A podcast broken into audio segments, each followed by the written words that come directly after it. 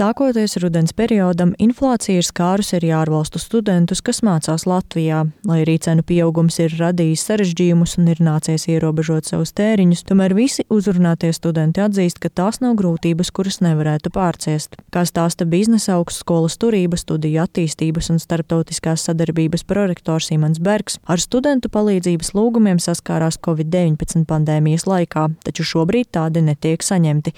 Tieši pretēji, ārzemju studentu skaits ir pieaudzis. Rudens semestrī ārvalstu studentu skaits atkal ir pieaudzis pēc Covid. -a. Principā, pat cik semestris sākās septembrī, tāda inflācija jau tajā brīdī bija, bet ar to saskarās daudzas valsts, un es domāju, ka ārvalstu studenti joprojām šeit saskata lētākas dzīvošanas iespējas. Nedaudz varētu pēc analoģijas atcerēties 2008. un 2009. gada finanšu krīzi, kad arī mums ļoti pieauga tieši apmaiņas studentu skaits no rietumiem. Tajā brīdī arī pamatojums bija, ka šeit tomēr dzīvošanas izmaksas ir lētākas nekā rietumvalstīs. 25 gadus vecais Tehans ir ieradies no Šrilankas un jau trešo gadu augstskolā turība studē turismu un viesmīlības nozares uzņēmumu vadību. Arī viņš atzīst, ka inflācijas dēļ pašlaik ir grūtāk, bet pateicoties vecāku atbalstam, tās nav grūtības, ar kurām viņš nevarētu sadzīvot. Parents, no ja mani vecāki man nepalīdzētu, man nebūtu nekādu iespēju tikt ar šo visu galā. Sākoties inflācijai, zaudēju darbu, jo kafejnīca, kurā strādāju, tika aizvērta, un šobrīd ir ļoti grūti atrast citu darba vietu, jo ārzemju bakalaura studentiem šeit nav tik daudz darba iespēju.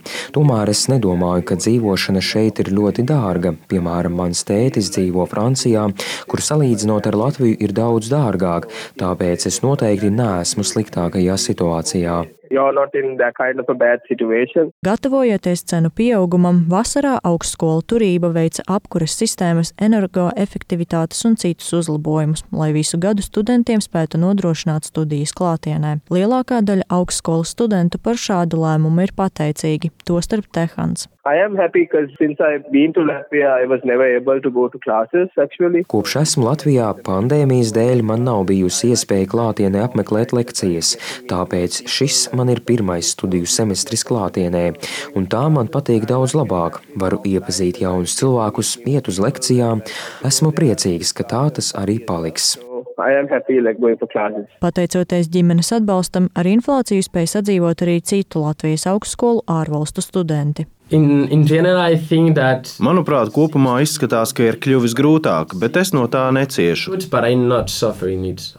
Gonzalo, kuram ir 21 gads, Spānijā studē ekonomiku un starptautisko biznesu. Latvijas universitātē viņš šogad ir ieradies kā students no jauniešu apmaiņas programmas Erasmus. Arī viņš atzīst, ka inflācijas sekas tik ļoti neizjūt, tomēr bez vecāku atbalsta noteikti nevarētu atļauties šeit studēt. I'm not suffering this inflation because I'm from a country which had suffered 10% of inflation. Es neciešu no inflācijas, jo nāku no valsts, kurā tā ir sasniegusi gandrīz 15%, un Latviju kā savu gala mērķi es izvēlējos arī pētot gaidāmos izdevumus.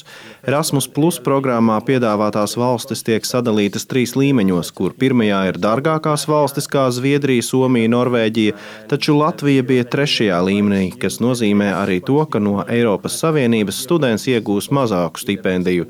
Par sešiem mēnešiem šeit es saņēmu aptuveni 1100 eiro, tie ir kādi 200 eiro mēnesī, un ar tādu summu Latvijā nav reāli izdzīvot. Piemēram, par studentu viesnīcu es maksāju 400 eiro mēnesī, līdz ar to finansiāli man nodrošina vecāki.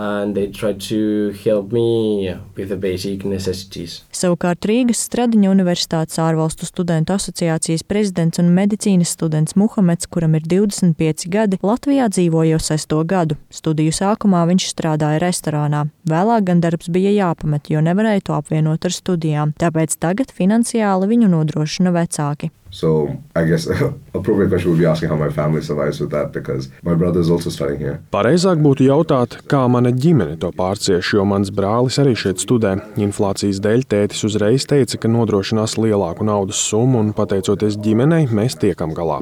Tomēr ir nācies arī no kā atteikties, piemēram, daudz retākajiem izklaidēties. Tik bieži neapmeklējam restorānus, nepasūtam ēdienu uz mājām.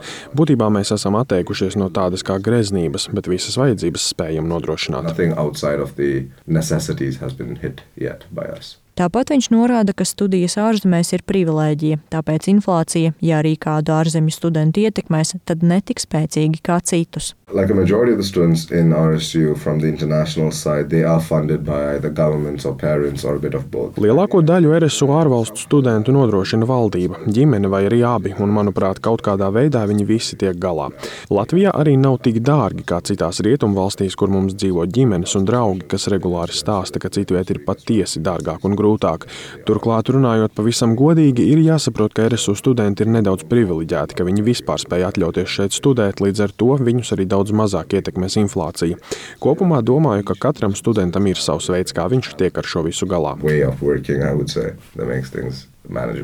Latvijas Universitāte ziemas periodā pāries uz attālinātām studijām, taču Rīgas Stradiņa Universitāte turpinās studentiem nodrošināt studijas jauktajā režīmā, gan klātienē, gan attālināti. Agnija Lazdiņa, speciāli Latvijas radio.